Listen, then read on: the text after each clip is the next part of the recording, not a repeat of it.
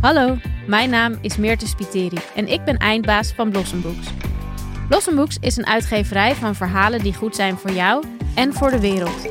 Je gaat nu luisteren naar een Blossom Books podcast. Veel plezier!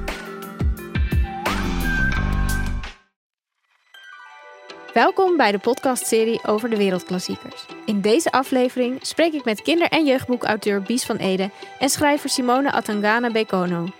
We duiken samen in het vreemde verhaal van Dr. Jekyll en de Heer Hyde, geschreven door Robert Louis Stevenson.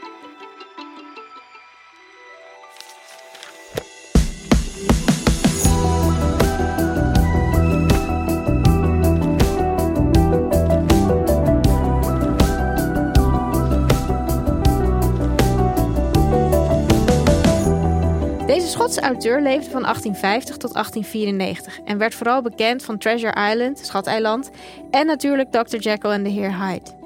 Stevenson had een hele slechte gezondheid, waardoor hij vaak van school moest wisselen en periodes helemaal niet naar school kon. Het schrijven trok hem al van jongs af aan, maar zijn vader was hier niet al te blij mee. Als compromis studeerde hij rechten, maar uiteindelijk deed hij hier helemaal niks mee in de praktijk en werd hij gewoon schrijver. Hij hield enorm van reizen en dat is ook goed terug te vinden in zijn literatuur. Bies en Simone, leuk dat jullie uh, aanschuiven om het te hebben over het vreemde verhaal van Dr. Jekyll en de Heer Hyde. Simone, jij schreef ook al eerder in het genre gothic horror. En Bies, jij bent bij mij voornamelijk bekend als griezelauteur. Dus jullie hebben daar beide een, uh, een connectie. Mm -hmm. uh, en Bies, jij herhaal, hertaalde voor de serie deze klassieker. Waarom koos je specifiek voor dit verhaal? Omdat ik wilde eigenlijk Schateiland doen. Maar dat was te jong voor de reeks zoals die er lag. Dus dacht ik, een mooi alternatief is The Strange Case of Dr. Jekyll and Mr. Hyde. Omdat, dat, uh, omdat Stevenson met dat boek ook een soort genre is begonnen. Met Schatteneiland is hij het piratengenre begonnen. En met dit boek, zeg maar, het, het, het, was het eerste superheldenboek. Iemand die uh, uh, zichzelf kan veranderen in een andere versie van zichzelf. En dat loopt natuurlijk allemaal uit de hand. Maar het is iets wat je vandaag de dag nog op alle Netflixen en HBO's kunt zien. En uh, was er een speciale reden dat je voor um, Stevenson koos? Ja, uh, Stevenson heeft twee genres in het leven geroepen. Het piratenboek en het andere genre is zeg maar de, de superheld. Iemand die van een normaal mens verandert in een uh, buitenproportioneel wezen. En dat, uh, Stevenson schreef het allereerste verhaal waarin dat gebeurt. Iemand neemt een drankje en verandert dan in een soort superheld. En omdat dus, hoe is het, 150 jaar later er nog steeds een enorme reeks aan superhelden is, dacht ik dat het heel leuk zou zijn om, de, om het oorspronkelijke verhaal in het Nederlands weer beschikbaar te maken. Want het was gewoon niet meer leverbaar. Ja, en dat heeft ook te maken met jouw eigen voorliefde voor deze twee genres, denk ik. Ja, ik heb Stevenson gelezen als kind en ik vond het geweldig. Dus toen de kans er was om het te gaan vertalen of hertalen, hoe je het noemen wil, dacht ik, daar moet ik ja tegen zeggen. Nou, Simone, jij bent zelf schrijver. Um, je schreef onder andere de roman Confrontaties, die ook de prijs Beste Boek voor Jongeren heeft gewonnen. En je hebt net een tweede poëziebundel uitgebracht, genaamd Marshmallow. Wat viel jou het meeste aan het verhaal op toen je het las? Um, ja, ik kende het verhaal, dus zeg maar de premisse van het verhaal kende ik al. Ik denk dat heel veel mensen in ieder geval bekend zijn met uh, wat Bies ook zegt, de, wat er gebeurt in het verhaal. Dus een mm-hmm. persoon die in een andere persoon kan veranderen. Maar ik, ik was niet zo bekend. Ik was sowieso niet bekend met het werk van Stevenson. Dus meer met het, het gegeven Dr. Jekyll en Hyde. Dus ik, uh, wat mij vooral opviel tijdens het lezen was, wat ik heel interessant vond, was dat eigenlijk het verhaal grotendeels wordt verteld via andere mensen. Dus Utterson, de jurist, die Mhm. wordt opgevoerd, die gaat via een soort, uh, ja, bijna als een soort detective op zoek naar wat is nou precies uh, hier aan de hand. Um, en er zit natuurlijk een soort heel smeuig element in van ja, dingen gebeuren in het duister, in de nacht, um, onoplosbare mysterieën, dat soort dingen. Dat vind ik altijd heel interessant. Nou, we gaan hier zo meteen uh, dieper op uh, induiken. Uh, maar eerst denk ik dat het goed is als we even uh, erachter gaan komen waar dit verhaal over gaat. Want dat weten we nog niet. Um, dus Bies, aangezien jij dit verhaal van binnenste buiten kent, wil jij in een paar zinnen uitleggen waar het over gaat? Ja, nou gelukkig is het niet zo'n ontzettend dik boek, dus dat moet in een paar zinnen kunnen. um, Dr. Jekyll is een alom gerespecteerde arts die uh, eigenlijk alleen maar goede eigenschappen heeft. Dat wil zeggen voor de buitenwereld. Maar ergens in hem broeit het verlangen naar het doen van slechte daden. En hij probeert zijn goede ik van zijn slechte ik te scheiden. En die slechte ik, dat is meneer Hyde. En meneer Hyde uh, is een ruzieloze misdadiger, gewelddadig, vreed. Alles wat Dr. Jekyll eigenlijk wel zou willen zijn. Maar natuurlijk, zoals dat in al dat soort experimenten gaat, loopt het uit de hand. De, de kwade kant van Dr. Jekyll, dus Mr. Hyde, neemt de overhand. En het tegengif dat Dr. Dat Dr. Hyde of Dr. Jekyll inneemt om weer terug te veranderen, werkt op een gegeven moment niet meer. En dan is natuurlijk de beer los. En hoe het afloopt, dat uh, laat ik even in het midden. Dat kan iedereen lezen in jouw bewerking. Precies. En dat ga ik niet verklappen. Uh, Oké. We gaan zo luisteren naar een fragment uit uh, jouw hertelling. Um, en die wordt voorgelezen door stemacteur Jannik Jozefzoon. Meneer Utterson stond nog maar een paar minuten op zijn post toen hij zich bewust werd van een vreemde lichte voetstap die dichterbij kwam. Tijdens zijn nachtelijke wachten was hij al lang gewend geraakt aan het vreemde effect dat voetstappen hebben. Ook al is de wandelaar nog ver weg, en hoe ze zich kunnen losmaken uit het omgevingsgeluid. Maar nooit eerder was zijn aandacht zo sterk getrokken. Met een bijgelovig gevoel dat er iets akeligs aankwam, trok hij zich terug in de poort van de binnenplaats. De voetstappen naderden snel en werden plotseling veel harder toen ze de straat binnenkwamen. De jurist keek vanuit de donkere poort en zag al snel met wie hij te maken had. De wandelaar was klein en onopvallend gekleed, en zelfs van veraf maakte zijn gedaante een onsympathieke indruk. De man stak de straat schuin over om sneller bij de deur te zijn en haalde intussen een sleutel uit zijn zak, zoals iemand doet die thuiskomt. Meneer Utterson stapte tevoorschijn uit de schaduwen en tikte hem op zijn schouder. Meneer Hyde, neem ik aan? Meneer Hyde deinsde achteruit terwijl hij sissend inademde. Maar zijn schrik duurde maar even en hoewel hij de jurist niet aankeek, was zijn antwoord afwerend genoeg. Zo heet ik. Wat wilt u? Ik zag dat u naar binnen wilt gaan. Ik ben een oude vriend van Dr. Jekyll. Ik heet Utterson. Ik woon in Gaunt Street. U heeft mijn naam vast wel eens gehoord. En nu ik u zo toevallig tegenkom, dacht ik dat u me vast wel binnen zou laten. U zult Dr. Jekyll hier niet vinden. Hij is weg, antwoordde Hyde. En hij stak de sleutel met kracht in het slot. En opeens, nog steeds zonder op te kijken, vroeg hij: Hoe kent u mij? Wilt u me een plezier doen? vroeg meneer Utterson. Maar natuurlijk, antwoordde de ander. Wat kan ik voor u doen? Wilt u me uw gezicht laten zien? Vroeg de jurist. Meneer Hyde leek te weifelen en toen, alsof hij opeens een besluit nam, keek hij op, met iets uitdagends in zijn houding. De twee staarden elkaar een paar tellen roerloos aan. Nu zal ik u een volgende keer tenminste herkennen, zei meneer Utterson. Dat kan goed uitkomen. Ja, antwoordde Hyde. Het is goed dat we elkaar leren kennen. En weet u wat? Ik zal u mijn adres geven. Hij noemde een straat en huisnummer in Soho. Lieve help, dacht Utterson. Weet hij ook wat er in dat testament staat? Maar hij liet niets merken en gromde instemmend dat hij het adres zou onthouden. En nu? zei de ander. Hoe kan het dat u mij kent? Iemand heeft me over u verteld, gaf Utterson als antwoord. Wie was dat?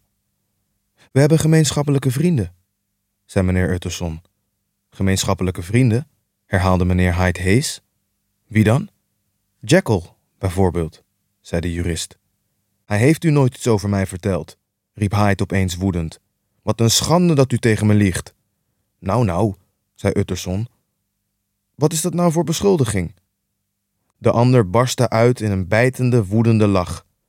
Het volgende moment had hij razendsnel de deur opengemaakt en was hij naar binnen verdwenen. De jurist bleef nog even verward staan en begon toen langzaam de straat uit te lopen. Om de paar stappen stond hij stil en aarzelde, alsof hij zich niet goed raad wist met de toestand. Het probleem dat hij al lopend behandelde was van het soort dat zich bijna nooit laat oplossen. Meneer Hyde was bleek en dwergachtig. Hij wekte de indruk misvormd te zijn zonder zichtbare afwijkingen. Hij had een onaangename lach. Hij had zich tegenover de jurist gedragen met een soort moorddadige mengeling van geslotenheid en brutaliteit. En hij had een zachte, fluisterende en iets wat gebroken stem. Dat waren allemaal minpunten.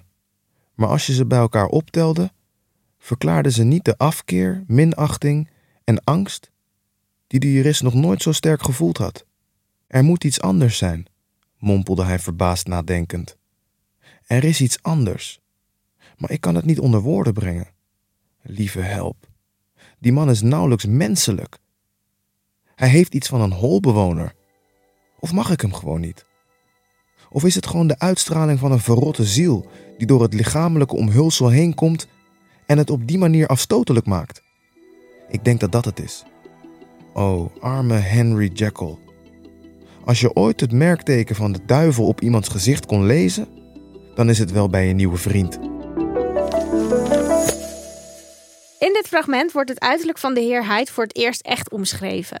En de goede vriend van Dr. Jekyll, meneer Utterson, ontmoet Hyde en hij is verafschuwd door hem. Hij kan niet echt.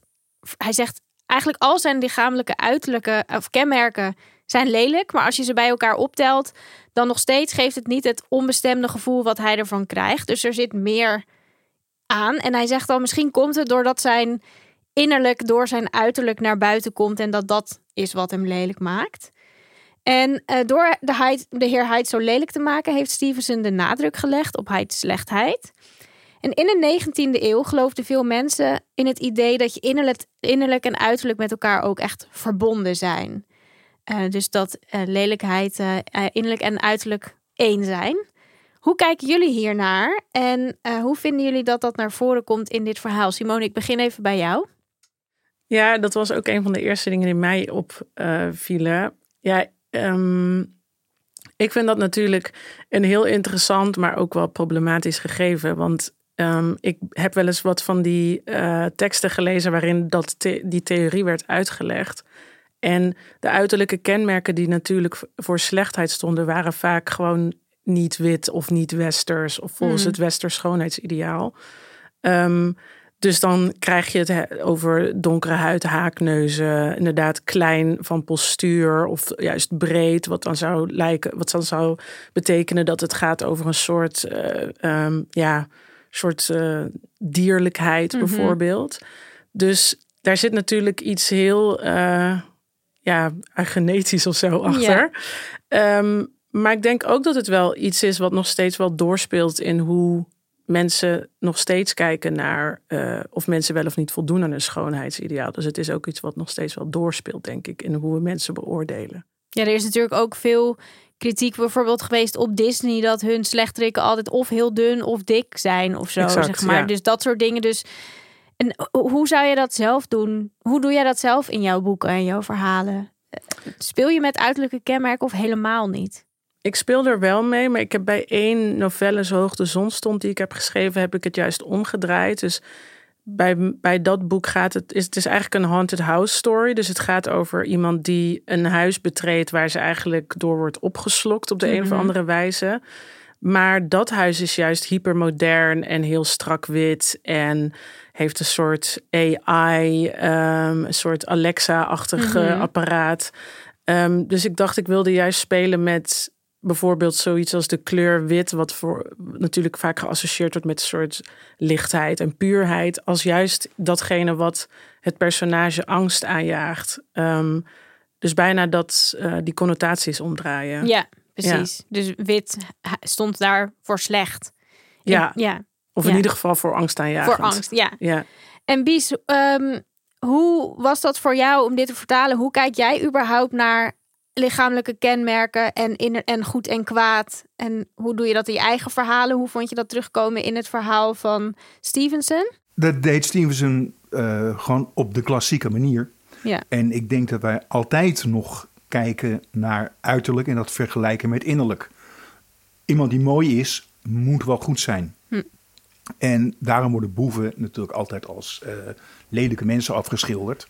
Maar een, een, uh, een, een Hells Angel, om maar iets te noemen, ziet er natuurlijk dreigend uit, omdat het je innerlijk ook naar buiten brengt. Sommige mensen doen het er ook om. Dus ik denk dat dat hele idee van, van uiterlijk en innerlijk uh, een moeilijk te verslaan uh, vooroordeel is, waar heel veel mensen ook gebruik van maken. Juist om de nadruk te leggen van hé, hey, ik uh, ben, je moet bang voor me zijn of. ja, bijvoorbeeld. En in boeken, um, in jouw eigen verhalen, zijn er voorbeelden ja, waar je daar expres gebruik van hebt gemaakt? Um, ja, nou ja. Um, ik probeer heel vaak ook het, uh, een, een, een, hele behulpzame uh, verpleger of onderwijzer blijkt helemaal niet zo behulpzaam te zijn. Het, het mooie schattige meisje blijkt helemaal geen schattige meisje te zijn. En de, de, de, de vreselijk onaardige man blijkt plotseling heel vriendelijk te zijn. En um, dat, het is natuurlijk spelen met, uh, met verwachtingen.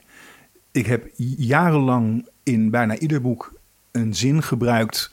Wat ben, ik, wat ben ik blij dat je gekomen bent. En dat wordt dan gezegd door iemand die vreselijk slechte dingen wil doen met de hoofdpersoon.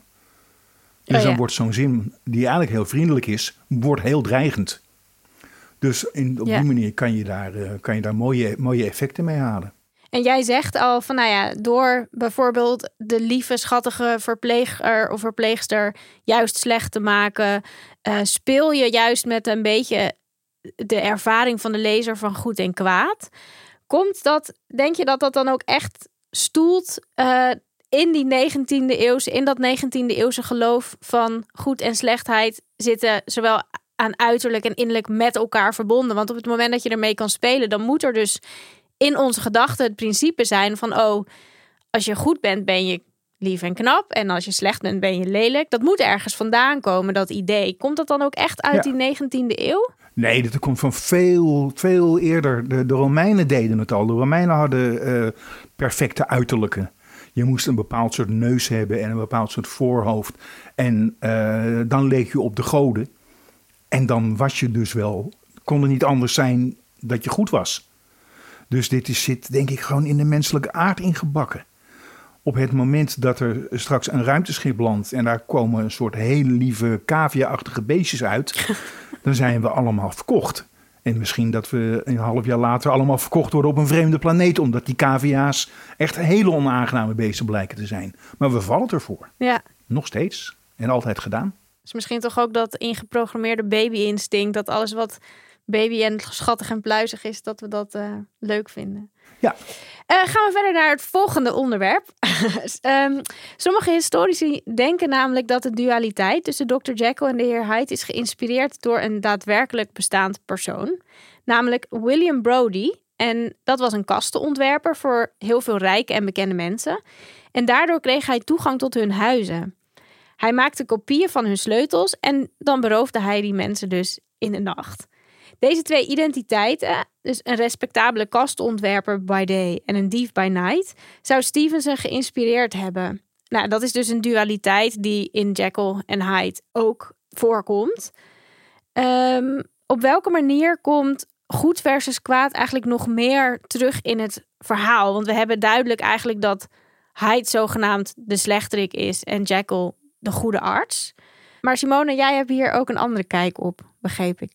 Um, nou, ik vond het vooral interessant dat ik denk, ja, hoezo is Jekyll per se goed? Ik bedoel, hij creëert ook Hyde om slechte dingen te kunnen doen. En hij gaat zelfs, ik bedoel, in dat creatieproces, uh, in het begin in ieder geval, uh, uh, herinnert hij zich die, die dingen die hij doet niet eens. Dus hij, zijn, zijn, zijn geweten is letterlijk schoon. Ehm, maar hij is uiteindelijk wel degene toch die zowel Hyde heeft gecreëerd. Dus je brengt ook iets de wereld is in dat slecht is en dat bijna alleen maar kwade intenties heeft en daarin ook ongeremd is. En je eigen geremdheid, uh, ja, die, die zorgt ervoor dat jij nog de gerespecteerde chirurg kan, kan blijven. Dus er zit natuurlijk. Het is de, ik denk dat het niet zo, zo uh, eerlijk is of zo bijna om te zeggen. Eerlijk is misschien een beetje een dramatisch woord, maar dat, uh, dat alleenheid daarin slecht is. Ik denk dat je ook wel twijfels kunt trekken bij de intenties van Jekyll. Ja, want Bies, jij zei eigenlijk al, toen je, uit, toen je vertelde waar het verhaal over ging, zei hij al Jekyll die wil eigenlijk heel graag slechte dingen doen, maar hij, ja, hij is arts, hij kan dat niet. Dus dan verzint hij maar een soort alter ego zodat hij dat kan doen. Hoe kijk jij daar tegenaan? Vind je Jekyll ook grijs? Uh, Jekyll is grijs, uh, Hyde is uh, zwart. Maar het heeft erg te maken met de periode waarin het boek geschreven is. Het is de Victoriaanse tijd waarin ongeveer alles moest worden onderdrukt. Tafelpoten droegen rokjes omdat ze anders te veel op blote benen zouden lijken. Weet je, niks mocht. En alle, alles, alles erotiek en wat er ook was, werd onderdrukt. Dus het is van Hyde helemaal niet zo, of van, van, van Jekyll helemaal niet zo gek dat hij denkt: ja, ik ben eigenlijk maar een eendimensionaal figuur. Ik moet altijd het goede doen. Maar ik wil ook zo graag eens een keer wat slechts. Ja.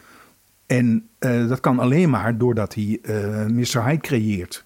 Ja, dus die onderdrukking eigenlijk die er toen was, uh, is het verhaal van Stevenson dan ook eigenlijk een soort, nou, een soort, een soort kanttekening bij die onderdrukking in die tijd? Van ja, hallo, uh, als je alles maar onderdrukt, dan krijg je dit soort excessen. Een soort maatschap, maatschappijkritiek. Ja. Zouden we, trekken we dit nu te ver? Ik denk dat je het nu te ver trekt. Want hij heeft gewoon uh, gezien wat er in zijn tijd speelde. Er werden natuurlijk ook allerlei uh, medische ontdekkingen gedaan. De menselijke psyche werd langzaam ontgonnen, om het zo maar te zeggen. Dus uh, er waren allerlei mogelijkheden die hem de kans boden een verhaal te vertellen zoals hij het verteld heeft. Dus ik denk dat hij gewoon gebruik heeft gemaakt van wat er voorhanden was. Oké. Okay.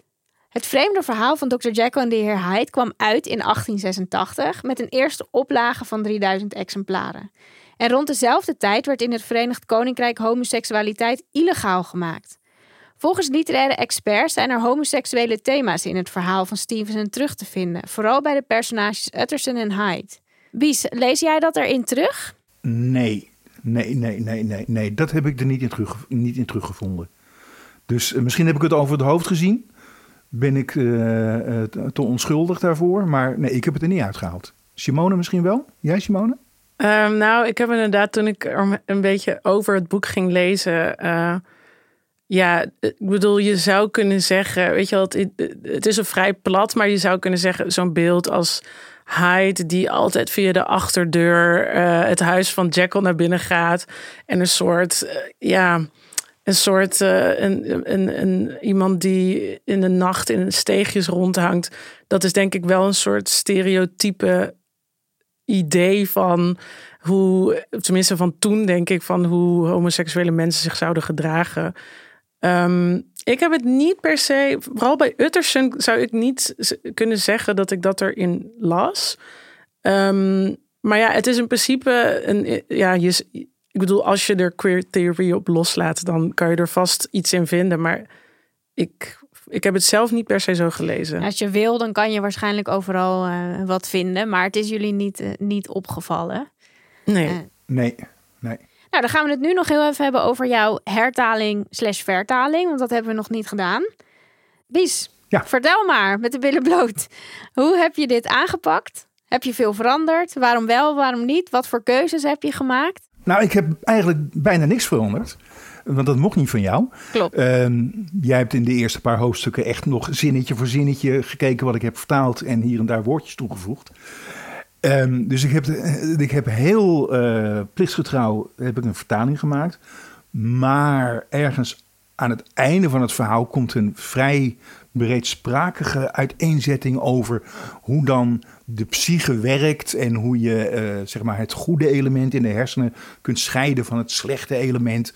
En dat was zo, zo in die tijd, zo 19e eeuw, dat ik dacht, daar hebben lezers van nu uh, hebben daar helemaal geen boodschap meer aan. Die snappen hier niks van. Dus daar heb ik in zitten knippen. Ja. En dat heb ik een wat moderner eh, jasje gegeven. Maar verder is het één op één een, eh, een, een vertaling. Veel meer dan een hertaling. Hoe lag het er bij je eigen stijl? Heb je nog echt, ben je moeilijke dingen tegengekomen omdat je dacht, jee, wat heeft hij, wat, waarom staat dit er eigenlijk? Of, of was het allemaal, uh, nou, koek en ei? Nee, nee. Ja, ik, ik, ik ben, een, ik ben een, bewonderaar van Stevenson. En uh, hij heeft uh, rare fouten gemaakt in boeken. Ik heb Schateiland heb ik uiteindelijk ook vertaald. En daar zit een hele idiote fout in. Dat zijn fouten die hij in Dr. Jekyll en Mr. Hyde niet heeft gemaakt. Het is een hartstikke spannend verhaal. Het is vlot geschreven. En het is nog steeds heel goed leesbaar. Dus nee, nee, ik was er blij mee om het te doen. Nou, top. Dan gaan we nu naar de hamvraag uh, aan jullie allebei. Waarom denken jullie dat dit een klassieker is geworden? Simone, begin weer even bij jou. Ja, ik denk dus toch omdat het inderdaad een verhaal is wat dat wel heel uh, verleidelijke elementen in zich geeft. Want ik denk dat ergens iedereen ook wel een deel van zichzelf, wat hij in zich draagt, niet wil erkennen. En het zou heel mooi zijn als je dat zou kunnen kunnen compartmentaliseren. Um, of misschien dat mensen inderdaad ook bepaalde driften of verlangens hebben waar ze zich eigenlijk ongemakkelijk bij voelen, die ze graag zouden willen kunnen, waar ze zich, ja, die ze zouden willen kunnen uiten zonder daar uh, de, de consequentie van te hoeven betalen. Dat is natuurlijk ook een soort probleem van het volwassen leven of zo. En Hyde wordt ook een beetje neergezet als ook wel bijna ja, klein en bijna kinderlijk. Um, maar ik denk ook omdat het dus heel veel verschillende genres in zich draagt. Dus wat ik net ook al zei, het is, het is een soort ja, gotische uh, gegeven met een soort ja, een experiment en het duister van de nacht in Londen. Maar het is ook een detective verhaal. Er wordt ook uh, gezocht naar uh, aanleidingen en, en, en clues, zeg maar, naar hoe, wie, hoe zijn de, de dingen die gebeuren nou precies gebeurd? Wat is nou precies het probleem van Dr. Jekyll? Wie is die Hyde nou precies? Mm. Um, en het is dus ook in die zin heel vlot geschreven. Uh, um, en ja, ik, ik, ik begrijp het heel goed eigenlijk. Ja. Uh. En Bies, jij, jij zei al in de introductie en waarom je deze gekozen hebt voor uh, vertalen, dat het de grondlegger is geweest van diverse genres. Maar waarom, en ook, nou ja, superhelden, maar waarom dan dit verhaal? Hoezo is dit verhaal nou zo uitverkoren geweest en klassiek geworden? Nou ja, in tegenstelling wat Simone zegt, hebben we natuurlijk allemaal wel het stiekeme verlangen om iets heel goed te kunnen. We zouden misschien allemaal wel heel graag heel sterk willen zijn, of kunnen vliegen, of uh, ongestraft uh, huizen in elkaar rammen, uh, banken beroven, weet ik wat niet. We hebben allemaal natuurlijk wel een duistere kant. En dat, dat is wat aanspreekt dit is wel een soort van wensvervullend verhaal. Mm Oh ja, zie je wel, je kan dat wat eigenlijk verborgen moet blijven, kan best naar buiten worden gebracht. Dus ik denk dat dat een element is wat gewoon door de eeuwen heen en nu nog steeds mensen aanspreekt. Kijk maar naar het Marvel-universum op, op, dit moment. Er zijn allemaal mensen die, uh, al die superhelden, kunnen iets. En dat is allemaal een sublimatie natuurlijk van bepaalde karaktereigenschappen. Ja, ja, nee, volgens mij, jullie zitten wel op één lijn. Ja, Jij zei dat ook. ja. Ik, ik, denk dat wat mijn, mijn punt was meer inderdaad dat het ook gaat over dat het consequentieloos is. Dus de schade die berokkend wordt in het zijn van iets boven, eventueel bovenmenselijks inderdaad. Dat dat ook volgens mij heel aantrekkelijk is. Dus, maar volgens mij zitten we verder gewoon op verder op één lijn. Ja, dus eigenlijk gaat het gewoon dat iedereen nog steeds het verlangen heeft om wel eens iets te kunnen doen wat niet mag. Ja. Ja. ja. Oké. Nou, top. Ik denk dat dat een goede, goede reden is om een klassieker te worden. Um, dan gaan we nu door naar het laatste blokje met fun fact. Wisten jullie bijvoorbeeld dat er meer dan 123 filmadaptaties zijn gemaakt van Dr. Jekyll en Hyde? Ik vind 123 echt waanzinnig veel. Ik bedoel, ja. dat is niet normaal. En er zijn nog veel meer films op geïnspireerd. Zoals De Hulk ja. Uh, is ook geïnspireerd door uh, Dr. Jekyll en de heer Hyde. Nou ja, er zijn er 123. Ik kan me niet voorstellen dat jullie ze allemaal hebben gezien. Um, maar hebben jullie een favoriete verfilming? En waarom denken jullie dat het boek zich zo goed leent voor verfilmingen? Bies, jij hebt denk ik veel verfilmingen gezien. Kan dat? Klopt dat? Heb je een favoriet? Nee. En ik heb ook niet heel veel verfilmingen gezien. Ik vond uh, The League of Extraordinary Gentlemen. Dat vond ik wel een leuke film. Daar komt uh, Mr. Hyde ook in voor, maar heel losjes gebaseerd op het, uh, op het verhaal van Stevenson. Maar ik ben, ik ben verder niet zo'n boekverfilmer fan. Dus ik zou het eigenlijk niet weten. Nou, dat is eigenlijk ook wel mooi. Meestal zitten we hier bij mensen zeggen: Oh, in die film, in die film. Maar jij zegt eigenlijk gewoon: ga het boek lezen. Laat die tv uit. Is ook wel eens verfrissend. Ja, precies. Uh, Simone, is er een verfilming die jij uh, weet? Ja, ik zit even na te denken. Ik heb wel een aantal van die Hulk-films gezien. Uh, ik heb nooit een verfilming echt Dr. Jekyll en Mr. Hyde gezien. Maar ik vond de Hulk altijd zo'n. Um, ja, ik vond, ik vond dat nooit zo'n. Ja, dat klinkt een beetje stom, maar zo'n sympathieke. Want ik dacht altijd, die is zo. Die heeft dan iets. Ja, dat, dat hij dan groen en een beetje. En het, het, ding met de Hulk is toch ook dat degene die hem. Ik weet dat Edward Norton heeft hem gespeeld en Mark Ruffalo. Dat, dat, die, dat de persoon die hij echt is, is vaak ook een beetje zo kwetsbaar, bibberig. Uh, en dat, dat vind ik niet helemaal hetzelfde als Jekyll en Hyde, maar maar ja, ik heb wel wat, wat verfilmingen gezien, maar ik kan echt niet zeggen welke ik welke de beter. Beste. Nee, nee. En waarom leent de film, of, of waarom leent het boek zich zo goed voor die verfilmingen? Want ja, uh, volgens mij zijn de klassiekers die we tot nu toe behandeld hebben, lenen zich allemaal goed voor verfilmingen, maar die hebben er geen 123. Wat is het toch met dit boek dat dat zo zoveel uh, inspiratie levert? Mm, ik denk dat het een soort. Uh, nou ja, ik denk dus dat dat, dat, dat wat, wat Bies ook zegt, en wat ik net ook al zei, dat het een soort element is van. Um, er is een soort mysterie, maar ook inderdaad het soort van de gekke geleerde die het experiment te ver uh, ja. uh, uitvoert en de controle verliest. Maar ook toch wel inderdaad echt dat, dat wat steeds terugkomt, dat verlangen om zonder, ja, om, om, groot en sterk te zijn en zonder consequenties te kunnen doen wat je instincten je je vertellen. Ja, en dus gewoon een heel goed verhaal, hè, Bies? Jij bent echt groot fan. Ik ben een groot fan en ik snap ook wel waarom er zoveel verfilmingen zijn gemaakt. Je kunt het namelijk of uh, heel letterlijk verfilmen, maar je kunt het ook heel losjes doen. Dus je kunt met het verhaal kun je alle kanten op. Het is een niet al te dik verhaal.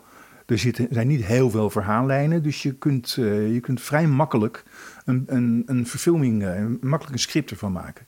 Dus in dat opzicht snap ik het ook wel. En dan inderdaad, het superhelden-element helpt ook enorm mee. En je kan dan ook een beetje spelen met de interpretatie van oké, okay, hoe grijs is Jekyll nou eigenlijk? Hoe slecht is Hyde nu eigenlijk? En daar kan de producer dan ja. veel inleggen. Ja. The Nutty Professor is een verfilming van uh, Dr. Jekyll en Mr. Hyde. En dat is een comedy. Oh ja. Dus je kunt er zelfs een, uh, je kunt er zelfs een lachfilm van maken. Ja, had ik niet eens gerealiseerd dat dat ook een. Dat nee, ik eigenlijk ook niet. Nee. nee. nou, dan gaan we nog naar een fun fact die helemaal past in dit tijdsbeeld. Namelijk, het schijnt zo te zijn dat Stevenson de eerste versie van het verhaal in drie tot zes dagen schreef. En dat hij dat deed onder invloed van cocaïne. um, hij had uh, TBC, tuberculose waardoor hij een bloeding had. En uh, in die tijd was cocaïne de medicatie uh, die voorgeschreven werd bij TBC, uh, bij zo'n bloeding. En mensen zeggen dat, hij, dat dat verklaart waarom hij zo snel geschreven heeft. nou ja, volgens mij cocaïne en het artiestenleven wordt nog steeds vaak gezegd dat dat samengaat. Vooral in de muziek ook. Ik wil er verder geen woorden aan vuil maken. Maar wat denken jullie? Was Stevenson gewoon snel? Uh, was hij onder invloed? Moet je onder invloed zijn om zo'n uh, verhaal te kunnen schrijven? Wat, wat zien we misschien zijn cocaïnegebruik terug in de medicatiegebruik van Dr. Jekyll? Ik Hoe uh, kijken we hier tegenaan? Ik, ja, nee, ik heb, ik, ik heb geen. Ik denk niet dat het hem beïnvloed heeft. Ik denk dat Stevenson gewoon haast had. Hij wist dat hij niet oud zou worden. Hij wist dat hij een zwakke gezondheid had. Dus hij moest doorwerken om op tijd verhalen af te maken. En het zal vast hebben geholpen dat hij een beetje cocaïne kreeg, waardoor je net wat meer energie hebt dan, uh, dan anders. Maar ik denk niet dat dit geschreven is in een cocaïne roes. want dan krijg je dat niet zo op papier. Daar moet je toch redelijk nuchter voor zijn. Ja, en jij had Schateiland ook vertaald. En het is dus ook niet zo, volgens mij, ik bedoel, ik weet niet of hij die in Cocaïne Roes heeft geschreven, maar volgens mij niet. Uh, het is ook niet zo dat je denkt, nou, als je die twee boeken naast elkaar legt, dan zie je echt uh, super groot verschil. Nee, nee, je ziet overeenkomsten in de, in de stijl van schrijven. Schateiland is echt geschreven als kinderboek, hè? dat moet je niet ja. vergeten. En uh, Dr. Jekyll en Mr. Hyde niet. Maar het heeft dezelfde snelheid, het heeft dezelfde lekker lopende zinnen die langer zijn dan we tegenwoordig gewend zijn, maar nog steeds goed leesbaar en helder zijn. Dus dit was gewoon zijn manier van schrijven. En uh, nou ja, nogmaals, hij had denk ik haast. Nou, Simone, is het wat voor jou als je deadline nadert dat je denkt nee. even, nee. even naar de dokter voor een, uh, voor, een, voor een flesje? Ja, nee, ja, ik denk inderdaad ook niet het is natuurlijk een soort leuk, juicy gegeven. Maar ik denk dat je echt... Je moet toch wel vrij scherp zijn juist. En ik denk, en hoewel cocaïne natuurlijk waarschijnlijk... Eh, heb ik me laten vertellen... Het idee geeft dat je heel scherp en je bent gewoon onder invloed ik denk dat hij inderdaad gewoon uh, haast had. Uh, of, of misschien gewoon echt heel veel inspiratie had. Die, dat heb ik ook wel eens gehad. Dat er sommige projecten gaan gewoon veel sneller dan andere. En ik denk dat inderdaad, het is een klein boekje. Um, het is ook echt plotgedreven. Dat je dan. Ik denk dat hij inderdaad gewoon. Uh... Als, als hij van tevoren wist hoe het moest eindigen, dan kan dat best in drie tot zes dagen. Ja, als je even een beetje gas geeft. Het is mij nooit gelukt, want het is, ja, het blijft toch wel. Het is een dun boekje, maar het is wel een boekje. Maar je kan vrij ver komen, ja, als je niet te veel slaapt en uh, goed doorwerkt op koffie of uh, iets anders. Ja. Ja. ja. Volgens mij was het de eerste versie die hij in een week heeft geschreven. Ja, exact. En die is door zijn vrouw weggegooid. Oh. En daarna is hij opnieuw gaan schrijven. Hoe lang hij daarover heeft gedaan, dat weet ik eigenlijk niet. Nee, dat weet ik ook niet. Dat, dat zeggen mijn aantekeningen ook niet. nee, maar ik las dat ook inderdaad. Dat het, dat het uh, een, ja, een eerste versie kan ik me heel goed voorstellen dat je dat heel snel. Uh, want dat is gewoon ook waarin je nog dingen niet helemaal hebt uitgewerkt. En mm. dan zeg je hier gebeurt dan dit ongeveer of zo. Maar later wordt het dan echt een scène. En dan ga je over woorden nadenken. Dus ja. ja. Bies en Simone, ik wil jullie hartelijk bedanken voor jullie komst. Uh, bedankt voor deze leuke podcast en voor jullie waardevolle toevoegingen. De luisteraars natuurlijk bedankt voor het luisteren. En vond je dit nou een leuke podcast? Geef ons dan vooral een beoordeling in je podcast-app. Sterretjes of een review. Want dat is goed voor onze vindbaarheid. En dan kunnen we hopelijk nog veel meer mensen enthousiast maken over klassiekers uit de wereldliteratuur. En wil je geen aflevering missen? Abonneer je dan en krijg over drie weken automatisch de nieuwe aflevering in je feed. Spoiler, die zal gaan over Zorro. Nog zo'n uh, man met uh, twee gezichten. Uh, hartelijk bedankt en tot de volgende keer. Tot ziens. Je luisterde naar een Blossomboeks podcast. Gemaakt in samenwerking met Spraakmaker Media en onder redactie van Moshe Veli. Deze podcast is mede mogelijk gemaakt door subsidie van Stichting Wij Eisen Kinderboeken. Wil je meer weten over wat wij doen? Neem dan een kijkje op www.blossomboeks.nl